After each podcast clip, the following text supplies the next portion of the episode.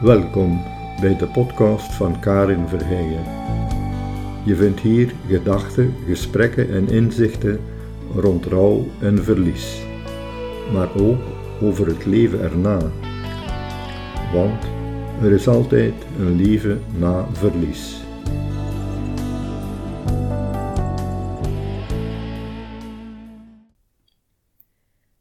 Lieve luisteraar. Ja, een podcast over rouw en verlies. Wie begint daar nu aan? Het zijn al geen heel toffe tijden door het coronavirus en toch is het af en toe nodig om bezig te zijn met de grote levensvragen. Trouwens, hoe je het ook draait of keert, tussen onze geboorte en onze dood worden we allemaal ongewild geconfronteerd met veel verlieservaringen. In deze eerste aflevering, wat fijn trouwens dat je luistert, vertel ik mijn verhaal, mijn eerste en mijn persoonlijkste ervaring met rouw. En dit verhaal begint eigenlijk rond mijn 31ste verjaardag.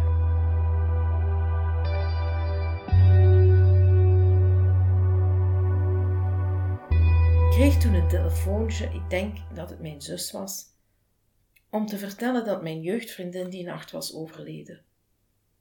En ik herinner me haarscherp mijn eerste reactie. Dat kan niet.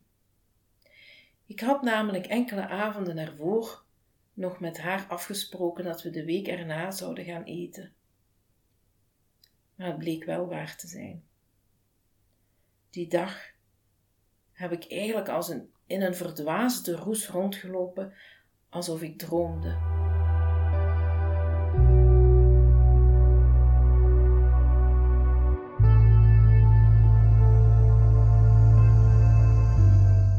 En tegen iedereen die ik tegenkwam, vertelde ik het. En telkens als die mensen dan met ongeloof reageerden, dacht ik: zie je wel, kan niet waar zijn. Later in mijn opleiding heb ik geleerd dat er een groot verschil is tussen een gekaderd en een ongekaderd verlies. Gekaderd verlies is bijvoorbeeld als je grootouders sterven op hogere leeftijd. Dat kan heel verdrietig en heel pijnlijk zijn, maar daar hebben we wel ergens vrede mee, want niemand is onsterfelijk. En ongekaderd verlies is alles wat niet in de lijn der verwachtingen ligt. En dat is natuurlijk extra moeilijk. Gelukkig had ik in die heel troeve periode in mijn leven veel steun van mijn man.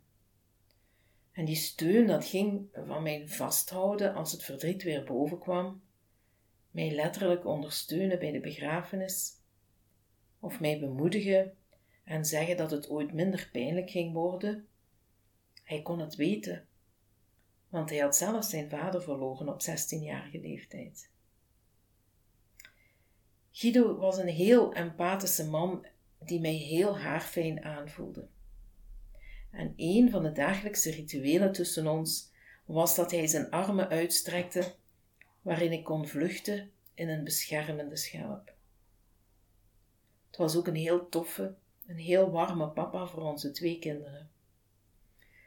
De avond van de geboorte van ons tweede kind, een dochter, ging hij uit eten met mijn toenmalige collega's terwijl ik in het ziekenhuis lag.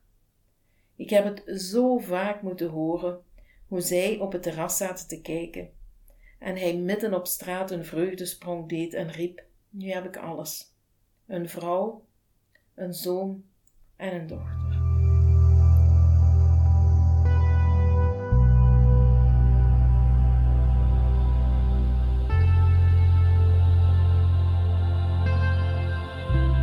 Hij was echt een fantastische man en vooral ook een zeer talentvolle drummer.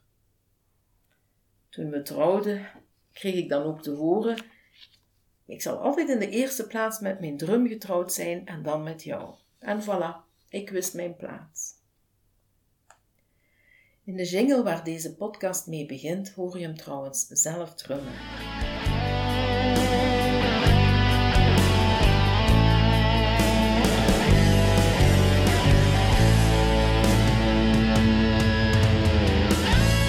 Heb hem daar altijd erg in gesteund, want ik was er ook wel best trots op. Het betekende wel dat ik heel vaak alleen thuis was met de kinderen. De weekends waren allemaal voor de optredens met de band. En dat begon al op zaterdagmiddag met het inladen van zijn drum in de auto. Dat moest in een vaste volgorde. Hij was een pietje precies. En trouwens, op een andere manier ging de drum helemaal niet in de auto. En dan duurde het tot zondagmorgen eer hij terug was. Ze traden op in allerlei parochiezalen in het hele land. Het was natuurlijk de tijd voor de gsm en ik was altijd bang dat hem iets zou overkomen. 25 jaar lang heb ik gezegd telkens als hij vertrok: Rij voorzichtig, je weet dat ik niet zonder je kan. Deze zin of talloze varianten hierop. En dan begon het lange wachten. Dan lag ik wakker uit bezorgdheid en ik bad altijd dat hij behouden thuis zou komen. Pas bij het horen van de garagepoort viel ik dan uitgeput in slaap. En kijk, be careful what you wish for, zeggen ze in Engeland. Mijn gebeden zijn verhoord. Hij heeft nooit een ongeluk gekregen.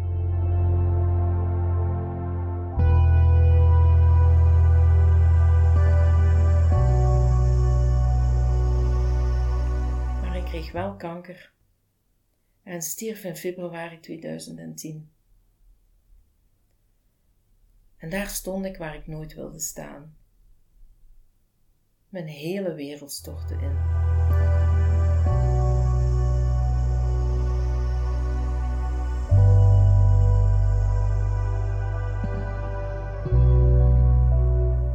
Het is heel moeilijk uit te leggen aan iemand die het niet heeft meegemaakt wat er dan allemaal met je gebeurt. Hoe rauw een rouwproces is. Hoe moeilijk het is om overeind te blijven. Het wordt trouwens terecht een proces genoemd. Rouwen is niet iets dat je doet vanaf punt A tot punt B en dat je dan zogezegd verwerkt hebt. Nu, tien jaar later, zijn er nog dagen en nachten dat ik het moeilijk heb. Het gemis blijft. Rouwen doe je eigenlijk voor de rest van je leven.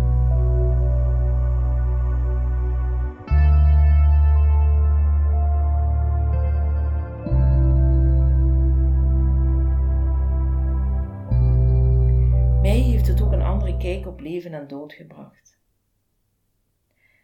En in de volgende afleveringen van deze podcast ga ik je telkens een stukje meenemen in dat nieuwe land waarin ik terecht kwam. Een land van weduwe zijn, van alleen moeten opvoeden, eenzaamheid, angst, zorgen en heel veel pijn, maar ook van inzichten Belangrijke dingen die mensen moeten weten over rouw en verlies. Gelukkig ga ik dat niet alleen doen. Ik ga mensen aan het woord laten die dit ook aan de lijve hebben ondervonden. Die zich hebben verloren en opnieuw hebben gevonden. En welk verlies dat ze hebben geleden. Want ook een echtscheiding, of je werk verliezen, of je gezondheid verliezen, heeft een rouwproces. Net als bij mij zullen hun verhalen je zeker ontroeren en inspireren. De reden dat ik dit allemaal aan jullie oren toevertrouw, is dat ik oprecht hoop dat er luisteraars zijn die dingen herkennen en als een soort troost ervaren. Horen hoe wij allemaal ermee worstelden en geloof me, dat houdt nooit op maar het kan wel echt bevrijdend werken. Ik heb veel geleerd door naar andermans story te luisteren. Ik weet nu ook beter wat ik wel of niet zeg tegen iemand. Sommige verliezen heb ik zelf niet meegemaakt, Maar daar kan ik zeker ook iets van leren. Want je leert ook nergens rouwen. En kan je het überhaupt wel leren? In elk geval, door te luisteren met je oren en je hart, kunnen we er veel van opsteken. Want rouwen, lieve luisteraar, mag geen taboe meer zijn.